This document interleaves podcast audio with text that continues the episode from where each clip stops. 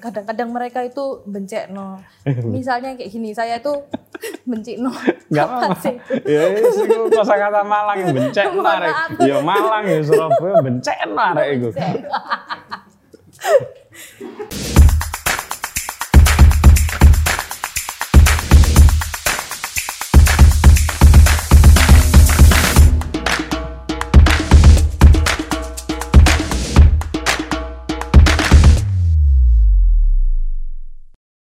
Halo teman-teman, ketemu lagi dengan saya Kepala Suku Mojo dan kami serombongan datang ke Malang untuk menemui seorang sulit ini menyebutnya. Musisi juga, pengajar juga, arsitek juga. Sudah enggak. Sudah enggak ya.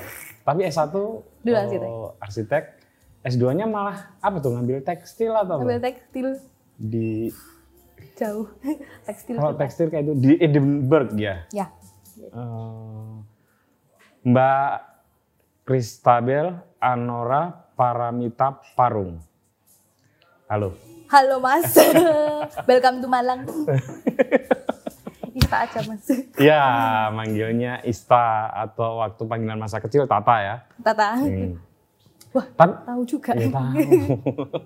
Eh, is- si Mbak Ista ini eh, pertama yang mau saya tanya sederhana. Ada nama Paramita dan ada nama Parung. Nah, Parung itu kalau nggak salah farm dari Toraja ya. Betul. Bapak saya. Ah, Papa Toraja. Mama Toraja. Eh, Mama, Mama Jawa. oh, makanya ada Paramita. Itu kayaknya kesepakatan berdua namanya itu. Nggak tahu itu paramitanya. Ah. Siapa yang usul? Eh, lahir di Malang. tapi sekarang tinggal untuk sementara di Surabaya atau selamanya? Hmm, selamanya. Kayaknya. Kayaknya selamanya. Karena eh, menjadi pengajar tetap di Univers- Universitas Surabaya ya. Ah, jurusan apa yang kamu aja? Eh, eh, fakultasnya industri kreatif, jurusannya desain fashion and eh, product lifestyle. Oh ada ya Fakultas Industri Kreatif. Udah. Aku baru dengar loh. Itu jurusannya apa saja? Ada dua, eh sekarang tiga. Hah? Jadi ada desain produk, biasanya yang cowok-cowok ke sana. Eh, terus yang desain fashion, sama ada satu lagi baru, desain interaksi. Padahal Ista ini lulusan S1-nya arsitek Unibrau. Yes. Ternyata ya, terus S2-nya ngambil eh, tekstil. Mungkin karena ngajar itu jadi ngambil tekstil atau memang ada ketertarikan tertentu? Kalau ketertarikan dari dulu ada sih, suka bidang fashion. Cuman memang karena kebutuhannya untuk ngajar, Hmm. oke lah, mari kita mencoba ini tekstil. Ternyata oke sih mas, ternyata. Ah, Oke. Tapi ini ya, menarik ya karena musisi, arsitek, terus desainer fashion, fashion, sih. nah, pengajar. Nah itu ceritanya gimana? Kok bisa main musik tapi ngambil arsitek gitu? Kalau main musik sama arsitek itu ini sih mas biasalah. Kalau zaman dulu orang tua sekolah musik kayak janganlah gitu ya biasa. Dan akhirnya eh, dulu awal sih masuk disuruh ngambil kedokteran. Tapi saya nggak masuk, Nggak masuk itu maksudnya nggak mau atau nggak lolos? nggak lolos. Kedokteran Unibrau juga? Unibrau. Ah, Terus pilihan oke. keduanya ngambilnya arsitek. Arsitek. Karena mau nggak mau ya memang lebih seneng di bidang kesenian. Jadi masih gambar kayak gitu. Dan akhirnya benar masuknya di arsitek. Lebih duluan mana waktu kecil suka gambar dengan suka musik? Musik dulu. Musik dulu. Musik. Di, di kursusin musik ya sama orang tua. Dari umur berapa ya mas? Udah lumayan akrab sama musik dari lima tahun. Karena eh yang saya eh, bapaknya mama itu Hmm. juga suka main piano, suka ngelukis juga. Hmm. Jadi ada darah seniman dari kakek. Ya, ngeliat sih. Saya ngeliat terus, jadi kayaknya mungkin tertarik gitu akhirnya. Itu inisiatif untuk kursus itu dari Ista atau dari orang tua? Ngasih apa? dikursusin gitu. Gimana ya kalau katanya mama nih. Jadi saya sebenarnya nggak tahu sampai sekarang yang bener yang mana. Kalau Ya. kata mama, saya minta katanya pingin kursus gitu. Ah. Terus akhirnya dikursusin. Gitu. Kenapa mintanya kursus piano? Eh, kayaknya nih ya, yang Hmm. dilihat itu soalnya. Jadi dulu tuh hari Sabtu, ya biasalah setiap hari Sabtu ke rumah Eyang gitu. Mm-mm. Terus Eyang masih, maksudnya Eyang itu juga tinggal di Malang gitu. ya tinggal Oke, di Malang. tinggal di Malang, berarti satu kota lah ya. Hanya beda rumah gitu aja. Mm. Ya sowan lah, sowan-sowan. Terus lihat Eyang sering main piano, lagu-lagu oldies-oldies gitu. Ya. Terus saya ikutan teng teng teng teng ngawur-ngawur gitu, Mas. Oke. Nah, akhirnya minta katanya gitu. Ya. Hmm, tapi ya nggak tahu lagi. tapi kayaknya bener sih. Langsung suka dengan piano. Suka. Wah, sampai sekarang. Oh iya, iya. Enggak waktu masih kecil itu di kursus eh, enggak misalnya pengen beralih ke gitar gitu atau jangan-jangan drum gitu. Nggak pernah, Mas. Ya.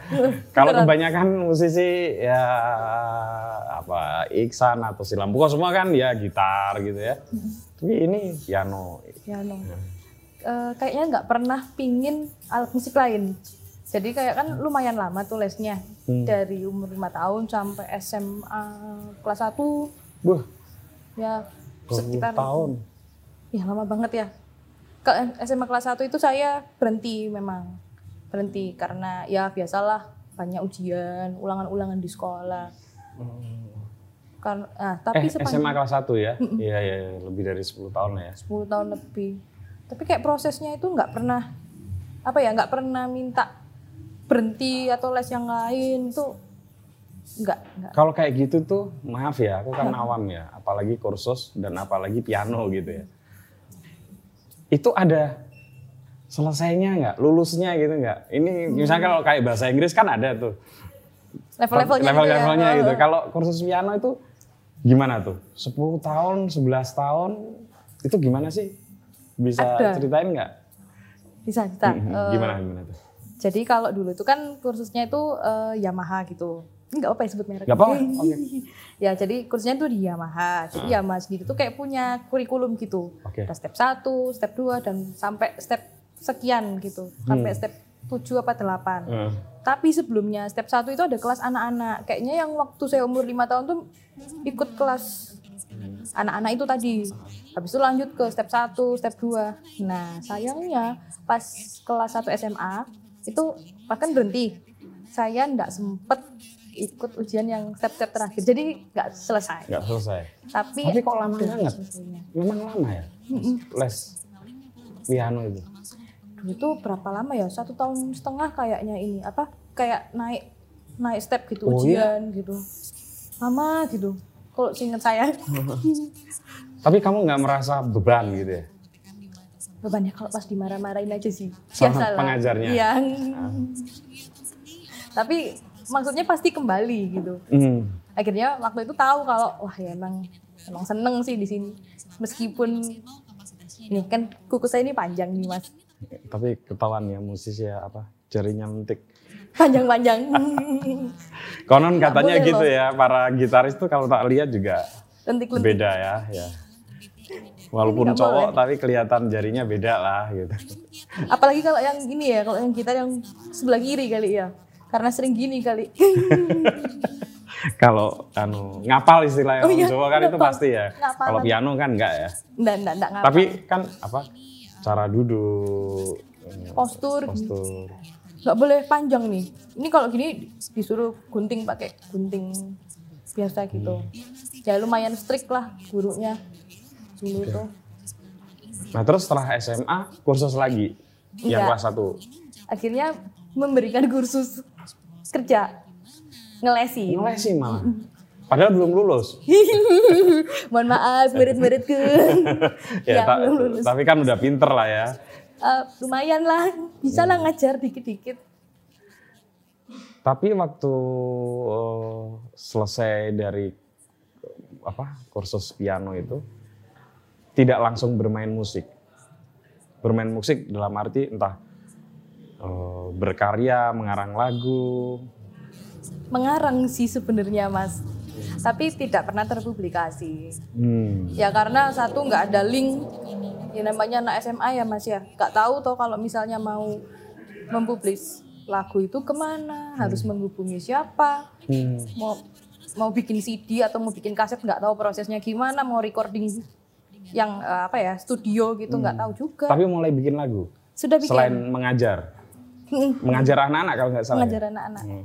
Mengajar anak-anak untuk bermain piano gitu ya.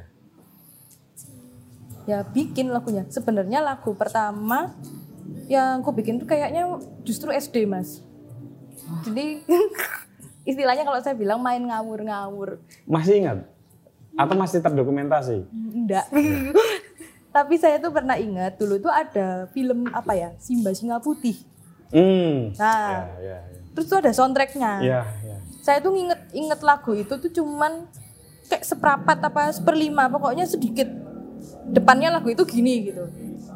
Nah setelah itu saya tuh mengadaptasi lagu itu yang saya cuma inget seperlima itu terus saya kayak terusin ngawur gitu di piano. Nah itu saya inget Oh. tapi sampai sekarang ya udah nggak bisa main. Tapi SMP SMA pernah pentas tentu saja ya. Pernah. Gimana biasanya? Kalau SMP SMA di festival band sekolah gitu Bikin grup band berarti. bikin bikin Kalau boleh tahu apa namanya? Eh ya band sekolah. Oh, saya band dulu sekolah. di Santo Yusuf. Oke. ya kayak band home bandnya Ah. SMP gitu Oh, sering juara. lumayan lumayan kayaknya lumayan Dan kamu sekaligus yang nyanyi?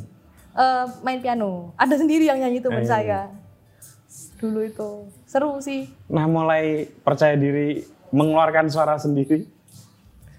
enggak jujur mas sampai sekarang kalau kayak nyanyi gitu tuh ndredeg kalau main piano enggak ndredeg Oke. tapi berani nyanyi sendiri tuh kayaknya SMA soalnya terpaksa eh, jadi ada ada di SMA itu kan saya di SMA komplek di di SMA 3 Malang Yang Santo Yusuf tadi apa? SMP Oke. nah kan saya dari Berarti ngeband sudah mulai SMP ya? Mm, Oke. dari SMP dari SMP swasta ke SMA negeri kumpulannya beda gitu mas orang eh, teman-temannya nggak saya nggak saling nggak pernah kenal teman-teman itu gitu Hmm, hmm. tapi mereka tuh sudah banyak yang kenal mungkin dari SMP 1 SMP 3 kan Ya, ya, bareng-barengan antar gitu. mereka Antar ya, mereka. orang-orang negeri lah ya. Hmm, hmm, hmm. nah akhirnya mereka sudah punya band sendiri tuh Hmm. tapi nggak punya vokalis Hmm. akhirnya kayak ya ya wes lah nyoba gitu Berarti kamu waktu SMA menjadi vokalis? iya Tidak pegang piano? Enggak, enggak belas. Nah itu juga lucu. Hmm. Soalnya pertama kali canggung mas, kalau megang mic itu bingung saya. Ah.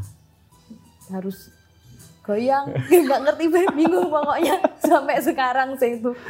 Itu dulu awal mula ya agak terpaksa. Jadi kalau bisa sih stand mic-nya aja apa berdiri gitu. Terus saya cuman gini doang ala-ala ya gitulah. Ah. Nah terus eh, bener-bener mulai apa ya main piano sambil menyanyi itu sejak kapan? Kalau berani tampil ke luar gitu ya. Iya. Berarti memainkan alat musik sendiri plus nyanyi. Tadi kan SMP memainkan piano saja, SMA menjadi vokalis. Nah kalau gabungan dari keduanya kapan ya kayaknya Hmm. kalau tahunnya kayaknya nggak inget nggak usah nggak apa. tapi pas kuliah kuliah ya di Biasa. Unibrau itu. Mm-mm, cari ceperan Oh. nah jadi cari ceperan manggung reguleran di kafe Oh ya iya di Houghton Hand nah, salah satunya di Houghton Hand Malang itu sendiri kamu tak? sendiri sendiri Lagu-lagu apa yang kamu mainin di situ? coveran pastinya Ya pastilah. Enggak, tapi coveran lagu siapa kalau ini? Eh, macam-macam jadi dulu itu di Houghton Hand sayang sekali sekarang sudah tidak ada Em, kayak ada temanya misalnya dua minggu ini 70s Night Hmm. terus dua minggu kemudian eh, soundtrack film soundtrack semuanya akhirnya saya playlistnya dari itu oh 70s Night berarti apa nih Fleetwood Mac lah atau Electric Light Orchestra ya pokoknya eh, yang Itu yang menyusun manajer eh, di tempat itu atau kamu? kalau lagunya saya sendiri Oh, tapi kayak temanya mereka mereka kasih, yang kasih. eh, kayak gitu akhirnya belajar tuh lagu-lagu gitu seru sih seru pol Berapa lama kamu? Hanya di satu venue itu atau ada tempat yang lain? Ada yang lain nah itu mulai wedding wedding juga mulai waktu SM eh SMA apa kuliah Kuliah. Berarti kuliah nyambi kerja ya? iya makanya lama Kamu berapa tahun? Hmm, mohon maaf Eh, lima setengah Oh, itu sudah kayak ayo cepat lulus Ista ini tuh 8 tahun belum lulus. Saya 7, 7 tahun lebih. tidak apa-apa Oke, terus itu sendiri, bener-bener belum Sendiri. belum ini ya. Nah kemudian kamu rekaman Talking Days. Mm-mm. Nah itu gimana tuh ceritanya? Album pertama dan sepertinya belum mengeluarkan album kedua ya? Atau saya sudah keliru? sudah akhirnya Oh ya, iya 2018 2018. Iya. Single atau? album, Album. full album Ah, sorry judulnya. judulnya dari jauh Oh yang kamu di Edin rekaman di luar ya? Oke kita cerita yang soal album pertama dulu. oke siap siap Hmm. Gimana tuh ceritanya? album pertama jadi sebelum rekaman album pertama tuh benernya udah ada lagu lagu-lagu yang tidak terpublis ada di HP rekaman ala HP biasa lah mas Oke. terus eh, habis itu ketemu eh, Mas Bambang Iswanto yang punya Nero Studio Oke. nah, akhirnya saya rekaman di situ dua, Itu di Malang. di Malang. 2014an 2014 akhir kalau nggak salah. Mm-mm. Eh, karena waktu itu sempat bantuin The Morning After. Akhirnya kayak ya wis lah tak rekaman pisan gak apa-apa ya mas gitu. Morning After itu nama nama band. Band. band Malang. Nah setelah itu 2000 ah ini proses rekamannya tuh lama memang. Soalnya kan sambil kuliah sambil skripsi pokoknya Oke. ya gitulah lama Nah, baru selesai 2016 itu Kamu lulus maaf tahun berapa? 2000 kalau lulusnya 2015 akhir kayaknya Mm. 2016 tuh baru wisuda 2016 wisuda dan 2017 enggak dong. Kita ketemu ulang tahun Mojo itu udah ada Talking Days. sudah sudah Iya kan? Itu 2016. 16 Ya, ini sebagai konteks saja teman-teman. Dulu Mojo waktu ulang tahun yang kedua itu menyelenggarakan acara di Surabaya dan di Malang. Di Malang itu salah satu pengisinya adalah Mbak Ista dan ya Mbak Ista sebetulnya, Sama tapi teman-teman. full tim ya. Wow, dan penampilannya sangat-sangat memukau memang luar biasa. Saya apa? Wih, saya ya terpukau lah. Bukan hanya saya lah, semua saya lihat juga. Nah, Turun. itu berarti 2016 baru saja keluar Talking Days. Hmm, baru banget baru banget ya. rilisnya itu eh, ini tengah bukan tengah bulan awal ke tengah April Maret Maret mungkin. Karena dulu eh, ya kita agak kita tuh di Maret, Pak. Kayaknya Maret Mm. oh ini Talking Days-nya baru mau keluar tapi sudah campaign Oh. Nah, sudah campaign Iya, iya, iya, iya, iya. Karena dulu setiap kita acara dulu itu ulang tahun Mojo itu sama persis dengan ulang tahunku 28 Maret. wah Mm-mm. Tapi sekarang udah enggak. Sekarang kan sempat tutup. Nah, tutup lahir kembali Mojo eh, jadinya sekarang eh Mojo itu 18 apa 21 Agustus ya? Jancuk. Mojo kon juga apa kon? 28 Agustus ya? Bukan 28 eh, bukan 18 ya? 28 28 Agustus ya. 28 Agustus Sama-sama 28. Karena angka 8 itu angka keberuntunganku. Oke, eh, gi- proses yang apa ya? Yang tadi yang kamu alami kak, pengen rekaman tapi nggak tahu gitu caranya. Nah, itu terselesaikan di problem problem seperti itu terselesaikan di Talking Days. terselesaikan akhirnya ya karena nanya-nanya ke teman-teman dibantuin juga sih untung teman-teman di Malang juga supportnya luar biasa semuanya jadi kayak teman-teman yang ikut ngisi eh, di ulang tahunnya Mojo ada yang main Iya. cello iya. main glockenspiel semua pada ikutan rekaman dibantuin banget wes pokoknya Hmm. Puji Tuhan Pol Hmm. Dan itu sukses. Sukses. Sukses, sukses, berat lah. Tapi tidak membuat kamu pede untuk meneruskan karir sebagai musisi. Aduh, pusing kepalanya. Iya, karena akhirnya kemudian menjadi pengajar. hmm. Gimana tuh? Aduh, Hilmi. Jadi begini mas. Iya, iya, Sebenarnya kalau eh, jujur aja kalau jadi pengajar itu karena ya ada dorongan juga dari bapak. Karena Oh iya, iya, Ya, iya. karena orang tua backgroundnya Pengajar. pengajar ya. ya ya namanya anak ya mas ya pastinya kan eh, berusaha untuk membahagiakan orang tua. Jadi oke saya coba. Waktu itu saya bilangnya oke saya coba dulu. Tapi kalau misalnya memang nggak cocok nggak apa-apa lo ya. Saya bilang gitu sama bapak saya. Bapak saya oke. Terus kita kayak bikin perjanjian gitu. nggak apa-apa ya kalau tetap bermusik asal bisa mengatur waktu. G Hmm. ya sudah berusaha bertanggung jawab dengan itu sampai sekarang puji Tuhan masih bisa ya sedikit kepontal-pontal dikit lah mas tapi Tapi, bisa tapi masih berarti sebelum pandemi masih sering eh, ini ya pentas ya? masih masih dan masih bikin musik terus Masih ya? Mm-mm. Oke. Eh, apa yang kamu rasakan ketika Talking Days diluncurkan? Sesuai kamu yang harapkan atau?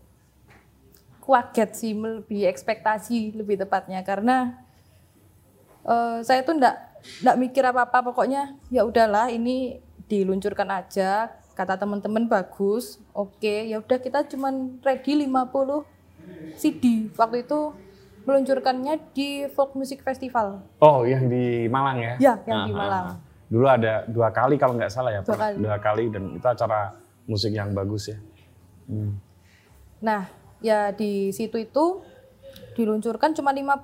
Saya juga mikirnya waktu itu, halah, ono tas singkat tuku kayak gitu loh Mas ya. Ya, tapi ya ternyata sold out, terus banyak yang eh, apa ya order, banyak yang pre-order, dicatat, bahkan sudah ada yang ngotot DP. Padahal itu kan eh, pada saat itu kita sendiri yang ngelipet-ngelipet liftnya untuk CD, masukin CD-nya. Waktu itu saya sama Mas Alo, sama Mas eh, sama Mas Sama, sama teman-teman yang lain juga. Ah. Istilahnya kayak kita DIY gitu Hmm. waktu itu. Nah, biasa sanggupnya cuman produce 50 buat malam itu. Eh, ternyata Akhirnya cetak lagi. cetak lagi. Akhirnya cetak lagi. Ya banyak, berapa seribu kalau nggak salah. Hmm. Dan makin membanjir ya undangan pementasan. Ya waktu itu kayak main terus gitu. Setiap Sabtu Minggu mesti acaranya gencer. Syukurlah. Kita melompat ke tadi. Kok kamu yang album kedua diluncurkan saat kamu kuliah di luar negeri? Oh iya. Sebenarnya diluncurinnya pas pulang sih mas. Tapi Lib- rekaman. liburan ya kayaknya. Pas. Eh, pas sudah pulang. Kamu nggak sempat pulang waktu kuliah dulu? Sempat sekali ambil Kayaknya data. terus sebelum eh kalau nggak salah ya, kamu sempat pentas di Jogja itu itu pentas ketika liburan atau setelah selesai kuliah? Eh, pas libur. Pas libur kan Ya, itu? pas libur. Itu pas Karena pulang. kamu kayaknya terus balik lagi. Hmm. Balik lagi. Itu gimana tuh ceritanya kalau yang itu? Eh, dari jauh ya, Dari jauh. dari ya, jauh. sesuai Berarti judulnya. dari jauh itu maksudnya dari Edinburgh. ya? Iya. Album apa ya? Album homesick sih mas. Apa ya istilahnya waktu itu tuh kangen rumah banget, terus lumayan stres. Ya satu karena subjeknya baru banget, belajar tekstil dari nol, ngikutin workshop-workshop kayak lumayan, fuh gitu, ya overload gitu mas. Terus saya waktu itu pas berangkat udah mikir kayak wah ini nggak mungkin belas kayaknya kalau saya bakal masih produce musik. Oke. Eh ternyata sampai sana mas ngikut band. Jadi saya punya band di sana. Oh ya? Heeh. Terus sama teman-teman band dikasih tahu, eh ini loh ada tempat rekaman. Apa? Akhirnya kayak, hmm, hmm, bukan, tidak ista, tidak ista, tapi tidak mungkin. Akhirnya saya lanjut ke situ. Kamu di sana punya grup musik? Punya, punya. Apa namanya? Eh, itu band kampus, namanya Harriet Wood Jazz Club. Jadi khusus eh, main jazz-jazz doang. Hmm. Pertamanya di dalam kampus, tapi ternyata dapat job di luar gitu. Lagi-lagi dapat ceperan. Kamu kok kayak beruntung terus gitu sih? Cuan live. Eh ngomong-ngomong sebelum itu saya telanjutin ya intermezzo kok ngambilnya di Scotland dia. Eh bener kan ya? Kok agak nggak lazim gitu ya?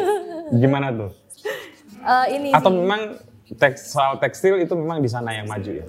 Tekstil di sana bagus, Hmm. memang memang bagus. Nah di UK sih sebenarnya kan bagus Eh, di UK, di Taiwan, satu lagi Jepang. Nah waktu itu sempat milih-milih sekolah gitu.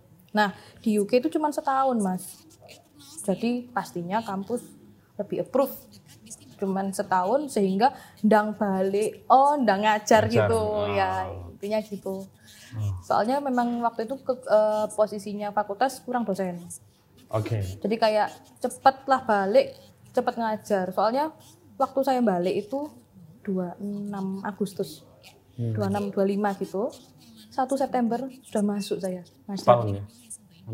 Eh, waktu balik dari UK Hmm. 26 Agustus sampai Indo 1 September udah masuk kerja ngajar jadi bener-bener ya liburnya cuma lima hari gitu Hmm. langsungan Oh itu di UK ya? iya Iya. di Scotland itu Oh ya Scotland, tapi masuknya United Kingdom ya. Nah, tapi kalau kali kamu li, aku lihat foto-fotonya kan, memang itu di tempat-tempat yang sepertinya sangat sangat eksotik ya. ya di apa ya di townnya gitu kayak di desa jadi ngelihat pemintalan benang dan sebagainya Nah, seru bikin albumnya di situ ceritanya gimana? jadi mas saya punya alat kan di kos-kosan ndak mungkin ada piano Oke. jadi saya itu nyari gimana caranya punya keyboard tapi murah eh, tidak mengganggu kamar kos sebelah Oke. dan bisa dibawa-bawa Oke. ternyata ada saya lihat cari-cari di Amazon keyboard bisa digulung silikon gitu ya segini paling Hmm. terus tipis gitu Hmm. jadi kalau dipencet nggak enak nggak mendal Ya. nah tapi lumayan buat latihan akhirnya bikin lagu di kamar pakai itu tak eh, masukkan Ke earphone Headset, gitu ya. hmm. Oh. akhirnya wis ya udah wah lumayan nggak stres akhirnya Hmm. Nah, sudah ada berapa lagu? Nah, saya dapat info dari teman-teman saya yang di band itu, ini loh ada tempat rekaman. Saya cek harga, harganya ya sama. Maksudnya lagi-lagi eh, ini sih mahal pastinya. Terus habis itu shift-shiftan. Oh mahal ya di situ pasti lah ya. Hmm. Nggak seperti di Malang lah. Iya. Shift-shiftan tapi untungnya. Jadi kayak mau berapa mau berapa eh, lagu pun boleh. Pokoknya 6 jam gitu. Hmm. Atau 4 jam. Ya, Saya lupa. berarti kayak sewa studio latihan itu ya. Hmm. ya, langsung Jam-jaman dihitungnya gitu. Nah. Oke. Kira saya tuh nabung lagu biar saya sekali aja ke sana, Hmm. terus yang jeng jeng jeng jeng jeng jeng jeng mari gitu. Jadi nggak saya apa ya nggak usah diedit edit lah, nggak usah nggak usah di apa ditambah-tambah track lah, pokoknya Is sekali gitu sentak saja. selesai. Live berarti, live recording. eh, tetap ini sih tetap satu-satu. Pianonya piano bukan bukan digital, jadi piano akustik gitu. Oh, yang disediakan di di tempat rekaman itu juga. Jadi kalau salah, ah, tabrak ae wis gitu. Terus ada musisi tambahan, Ada teman-temanmu juga itu. ada teman saya orang Indo, orang Semarang mas, Oh, kuliah juga di sana. dan jago main musik juga. Iya main klarinet. Wah tak tembung langsung. Permisi mas, langsung deh. Mau dia. Mau ditraktir hotpot. Hehehe, waktu itu gitu. Sama-sama anak kuliah mas, jadi tahu perasaannya. Eh, Kalau sama-sama ndak anu gitu. itu maaf yang kedua itu aku nggak tahu ya. Jadi itu berapa lagu? Oh yang klarinet. Nggak yang dari jauh itu, album kedua itu. Sebentar mas saya agak lupa. Nah, Nah ini dia. ini dia. 10? 12 mungkin mas. Ya. Saya kalau misalnya nanti saya cek lagi nanti, saya lupa. Pokoknya saya dua kali masuk studio, Oh. dua kali itu. Hmm, Dan itu belum sempat di itu dirilisnya di mana akhirnya? Pakai CD juga? Enggak, Ya, beda Digital lagi. aja. Digital aja. Di Spotify berarti ada ya? ada, ada di Spotify. Nah, eh, rilisnya itu pas sudah pulang tapi, Hmm. jadi Sempat ada konser. eh, tour itu nggak ada sih. Soalnya langsung kerja, jadi bingung kan. Jadi langsung rilis aja. Berarti belum sempat digarap untuk peluncurannya ya Belum nih. sampai sekarang. Iya. Sampai pandemi. Hmm, takut dimarahin Mas sama. Kenapa? Biasanya dimarahin kalau nggak ada luncuran, tapi nggak apa-apa. Kan nganu. Begitulah Mas. Itu memang ada rencana diluncurkan di Indonesia. Eh, dulu awalnya ada, tapi ternyata waktunya tuh nggak nemu Mas. Jadi ya sudahlah, di langsung aja rilis digital. Eh, ya biasalah campaign-campaign, bikin video klip, bikin video klip yang nggak ada sayanya. Video klipnya, oh yang video klipnya kayak semi animasi itu ya? Bukan? yang animasi itu oh enggak yang ini tuh yang dari jauh itu eh, lagu yang ada video klipnya menunggu pagi judulnya Oh kalau menunggu pagi aku tahu, aku pikir itu single. ya itu single dari yang album dari jauh Oh. nah itu Iya, video iya, klipnya iya. Tahu kalau itu. lagi-lagi dibantuin teman-teman Hmm. Dibikinin dari sini atau dibikin ketika kamu udah pulang? Eh, pas sudah pulang lupa pas sudah pulang kayaknya mas Ya Allah deh. lupa kalau Jumlah lagunya lupa. Padahal album baru dua. Bayangin tuh Scooter Nggak pernah albumnya lupa kalau masih 16. lupa mas tahunnya pokoknya eh, menunggu pagi itu dibikinin sama teman-teman dari Malang itu Hmm. Nah, eh Ista ternyata kalau dari obrolan ini tadi berarti aktivitasmu mengajar mengganggu aktivitasmu bermusik. hmm bisa jadi Lah ini tadi dari cerita kayaknya begitu. tapi nggak apa-apa kan sedang dibalance kan mas Eh, ada upaya untuk itu. ada Karena udah terlanjur mengajar ya, sudah jadi pengajar tetap pula ya. dan seneng sih mas ternyata ngajar Ternyata memang seneng? seneng banget Oh. Juga mungkin karena kamu udah biasa ngajar ya, waktu ngelesin ya. Apa bedanya ngelesin anak-anak sama ngajar di depan mahasiswa?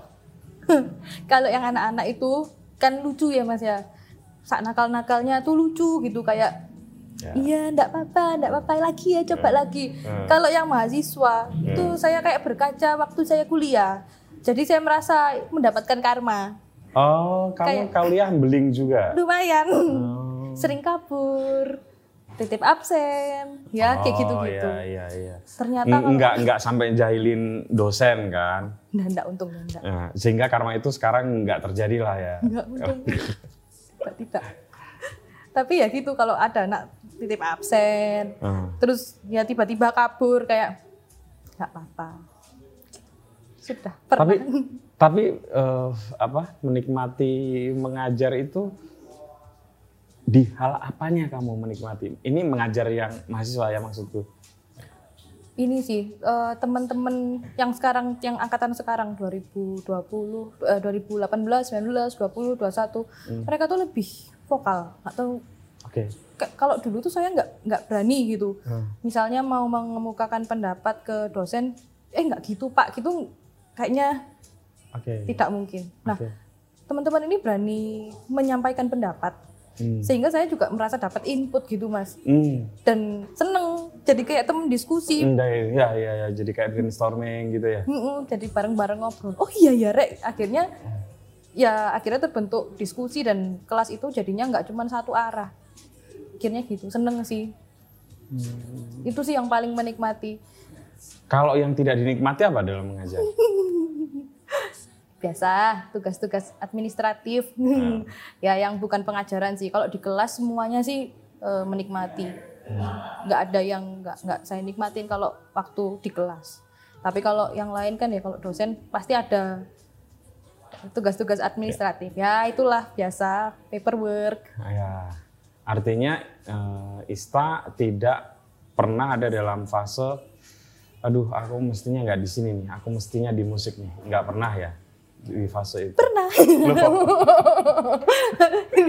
harus jujur nggak bisa aku nggak bisa Oh, pernah pernah, pernah. pernah Oh. pernah banget awal-awal masuk mas Eh, tahun pertama tahun kedua Hmm. kan apa ya ini lumayan baru bidangnya maksudnya ya kalau tentang eh, desain misalnya semester 1 itu kebanyakan sama di arsitek, di desain produk, di fashion itu mata kuliahnya sih berupa dasar atau Hmm. nirmana kan Nirmana. Nirmana sama ya semuanya. Oke, paham. Mulai kayak fashion trend research, digital textile. Nah, ini bah ngebut belajarnya Dan waktu itu masih belajar sendiri ya, belum kuliah ya. Waktu itu oh waktu itu sudah kuliah. Nah, di sana pun itu juga akhirnya agak terbeban. Oh, gimana ini caranya supaya bisa mengajarkan ke teman-teman ini tidak salah. Jadi di UK kalau apa ada waktu kosong cari kelas, cari kelas ngikut kelas S1. Oh gitu. Jadi bener-bener uh, gitu. Hebat juga ya. Itu masih sempat bikin album loh. Disusul-susul no mas. Tapi di sini malah belum belum tentu loh kamu bisa bikin album. Atau malah terbuka kemungkinan. Eh, bener katanya Mas Putut. Kalau eh, di sana mungkin karena ini apa ya kayak kepepet, akhirnya tuh ada di dalam diri kayak kak kakak aku harus bisa juga menyeimbangkan. Kalau di sini kadang-kadang gak kakak sibuk sibuk titik. Kalau di sana tuh kan ada rasa apa ya kangen sama musik, Hmm. kangen sama rumah. Jadi pengen bikin sesuatu untuk mencurahkan itu juga. Ada rencana bikin album ketiga? Album full ketiga ada. Sudah ada Sudah- materinya, Sudah ada materinya. eksekusinya yang Kenapa? Kenapa tuh? masih ya begitulah Mas. Sebenarnya sudah rekaman Mas, tapi Oh sudah. sudah ada beberapa materi yang sudah rekaman. Cuman kan kalau album full minimal 8. Nah, saya itu belum sampai 8. Hmm. Kalau di album yang kedua itu, Ista, eh, kamu kebebanan dengan kesuksesan dalam tanda kutip album yang pertama nggak? Enggak. Karena ini ya, memang harus mengekspresikan perasaan kangen itu tadi ya. Dan ini Mas, jadi sebelum saya berangkat, itu saya tuh ada di kasih tahu sama beberapa temen Hmm. Ista kamu kalau milih ini kamu berangkat kamu balik nanti dari nol loh. Nggak bisa tiba-tiba eh, tawaran manggung kayak dulu. Konsekuensi. Oh ya? ya di- saya diomongi gitu dan Oke. siap. Oke gak apa-apa ini kan pilihan. Gitu. Tapi ya Tapi memang kayak gitu ya? hilang kan mas soalnya. Jadi bener-bener nggak eh, nggak bisa apa ya? Nggak bisa hadir waktu itu kan masih offline juga jadi sebenarnya banyak acara. Dan tawaran juga lumayan waktu itu tapi harus ditolakin semua. Jadi akhirnya kan ya Ya itulah mengganggu. hilang. Ih, beneran mohon maaf jika ada orang kampus melihat ini. Tapi memang sih. Hmm. Kira-kira ada nggak titik komprominya kamu tetap bisa menjadi musisi dan bisa tetap mengajar? Karena ini kan dua bidang yang berbeda. Ya. Ya ini yang sedang saya coba lakuin sih mas. Eh, kayak gini, untung sekarang tuh lagi pandemi, jadi kalau acara offline lagi berhenti. Hmm, Nah, misalnya ini pandemi kan semoga dan sepertinya ada tanda-tanda akan ya setidaknya akan menjadi new normal lah ya. Kalau ada tawaran-tawaran manggung gimana dong? Selama Sabtu Minggu dan masih, maksudnya ya nggak tabrakan sama acara kampus, hajar wis. Hmm. Kamu udah nggak ada lagi perasaan minder ketika ada di panggung. Eh, pastilah kalau minder itu apa ya bukan mungkin ti- tidak percaya diri kayak susah nyanyiku kok nggak enak paling itu masih ada sih tapi hajar aja lah nggak apa-apa wong mau dicari apa yang mau dicari gitu. Oke. Nah, eh, additional musician kamu itu kan kebanyakan dari Malang. Malang. Terus kalau kayak gitu biasanya gimana tuh? Ke pentasnya tetap mereka atau sudah mencari penggantinya? tetap mereka sih soalnya ya apa ya udah udah cocok temen temen nongkrong juga Iya, temen iya, lama iya. Dan Malang Surabaya nggak terlalu jauh ya sekarang. Apalagi ada tol gitu ya. waktu itu ke Makassar pernah mas tapi sebelum pandemi ke Makassar ya bareng-bareng teman-teman Malang kita ketemu di Juanda ya wes Teman-temanmu i- itu yang apa yang satu panggung dengan kamu itu berkarir musik semua atau nyampur-nyampur kayak kamu juga? Eh, yang main cello full musik eh, sekarang juga jualan nasi bakar enak pol Oke. terus Stefani kayaknya banyak di kuliner sama musik sih mas kuliner dan musik kuliner dan musik gitu Hmm. Dan kamu kayaknya juga suka ini ya masak ya? Mah, ya bisa. Bisa. Kalau enak nggak enak kayaknya tergantung. Masakan Jawa atau masakan Toraja? Nggak bisa masakan Toraja, susah. Eh, tapi kamu menikmati. Ya, Apa yang kamu menikmati masakan Toraja? Pak Piong Yang dimasukin bambu atau ya? yang di bambu itu. Ya, ya. ya.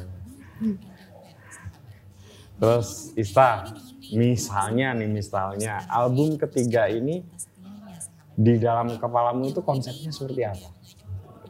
Kalau misalnya sudah ada maksudku. Kalau enggak ya enggak perlu diceritakan. Sebenarnya lagu-lagunya itu lebih ke arah eh, Lonely Nights gitu. Orang yang kesepian. Oh.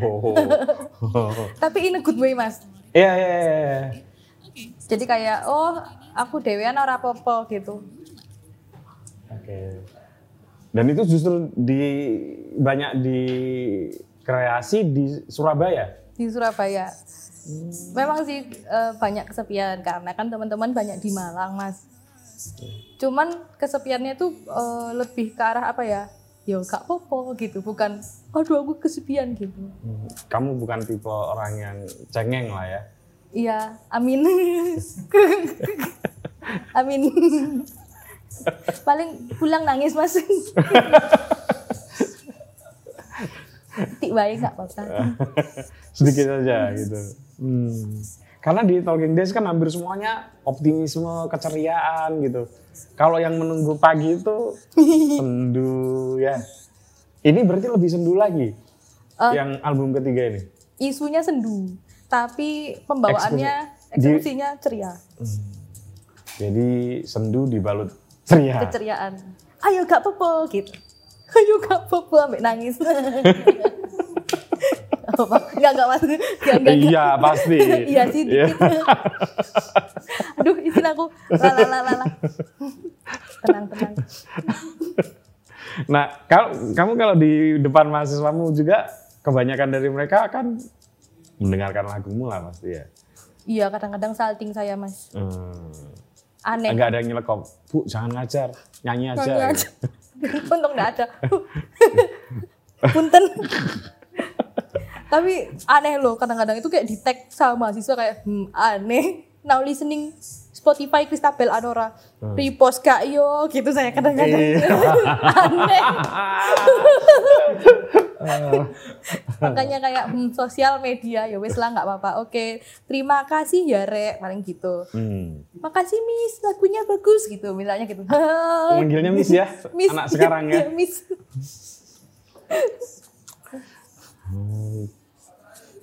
Apa? kalau menghadapi mahasiswa kayak gitu nanti ketemu di kelasnya gitu salting ya? Iya, tapi ya saya rada biasa. Cuman jujur aja kayak, waduh, iki sing kemarin dengarkan laguku. Ya saya dalam hati ada gitu. Cuman kalau di depannya ya, hmm, gitu. Kadang-kadang mereka itu bencek no. Misalnya kayak gini, saya itu benci no. Enggak apa-apa. Ya wis iku kosakata Malang yang bencen Mohon arek. maaf. Ya Malang ya Surabaya bencen arek iku. Pernah loh disetel di kelas. Lah yo, Ya asik kan? anu bingung kayak harus eh, apakah saya harus keluar dari ruangan ini apakah saya harus tetap di sini atau Oh, Gimana kayak ini sambutan atau pengusiran gitu ya? Swalting gitu akhirnya. Aneh. Sebenarnya ya mereka baik-baik aja, cuman sayanya aja yang nggak bisa menyikapi. Pernah nggak diminta oleh mahasiswa untuk menyanyi? Pernah, aduh, Ya. ya itu. Kalau nyanyinya tuh eh, kolektifan ram- rame- rame-rame gitu saya oke. Hmm. Tapi kalau kayak nyanyi sendiri, uh, jujur saja awkward banget. Jadi nggak pernah saya iyain kalau yang nyanyi sendiri itu. Kalau di acara-acara kampus di Ubaya, Nggak mau. kenapa? Takut. Takut Aneh. apa? Nggak. Gimana sih? kalau bisa jangan di kampus Ubaya. Ah, kalau di kampus lain nggak apa-apa ya. Nggak apa-apa. Ya, kalau di Ubaya nggak. Nggak, nggak mau. Jadi ya para sivitas akademika dan UKM mahasiswa Ubaya silakan mengundang Mbak Ista untuk pentas di sana. Ya yang yang ceperannya banyak lah biar dia bingung. Wah, mulai mulai bingung saya. Sebuah pilihan. Mungkin kalau tanggal tua saya iyain mungkin. Punten. Ista ini kalau manggung juga lucu loh. Itu Template mas. Hah? Template-nya Template? gini. Iya, kalau mang ya ya mungkin mungkin saya saja yang kuper ya. Biasanya kan pemain piano itu Anggun. anggun, ya kan, tenang, kalem. Ini rodok bedigasan loh. Berusaha lo mas. Eh, itu oh bedigasannya berusaha. Bukan. Berusaha lo Anggun. Berusaha Anggun. Saya kadang-kadang tuh ini nggak sengaja kalau misalnya manggung kan pakai rok toh. Kadang tuh kakinya itu gini-gini loh mas. Terus mesti eh, Mbak Titi yang biasanya yang mungkin kemarin hubungan sama Mas Eh, Mas Ali, oh Mas Ali, Mas Ali. Mas Ali itu gini dari dari jauh. Maksudnya tutup sih kakinya. Siap. Susah mas.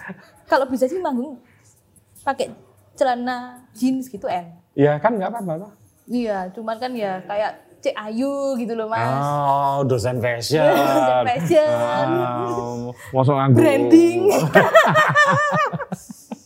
mohon maaf, mohon maaf. Kok, kok mohon maaf sih? Malu aku mas. Aduh, lek ditonton mahasiswa aku ya apa iki? Loh, Wah, Miss Ista iki. bisa loh, bisa loh mas. loh. Mahasiswamu Tiba-tiba jangan mahasiswamu adalah eh, konsumenmu. Iya sih. Iya kan? Pengagum dan mungkin apa ya diseminator. Kadang-kadang gitu, mahasiswa membanggakan dosen. Dosenku rek, bisa nyanyi, gak kayak dosenmu. Wah, maaf mas.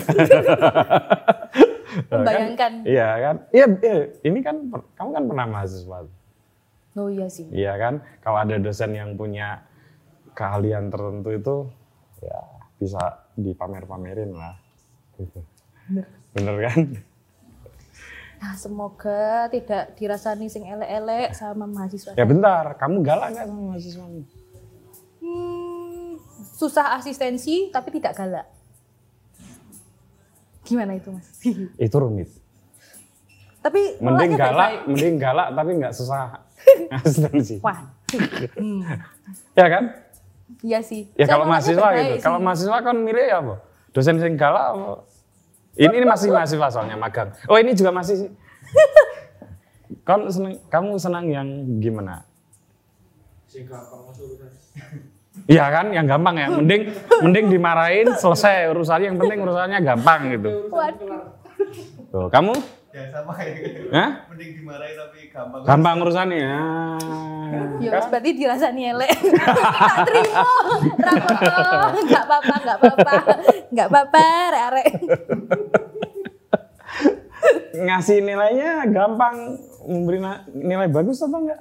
Oh, kalau nilai eh, oke, cuman waktu proses asistensinya itu yang, sulit. Oh, karena melewati proses asistensi yang sulit, maka kamu bisa Nilainya mengapresiasi oke. dengan nilai oke.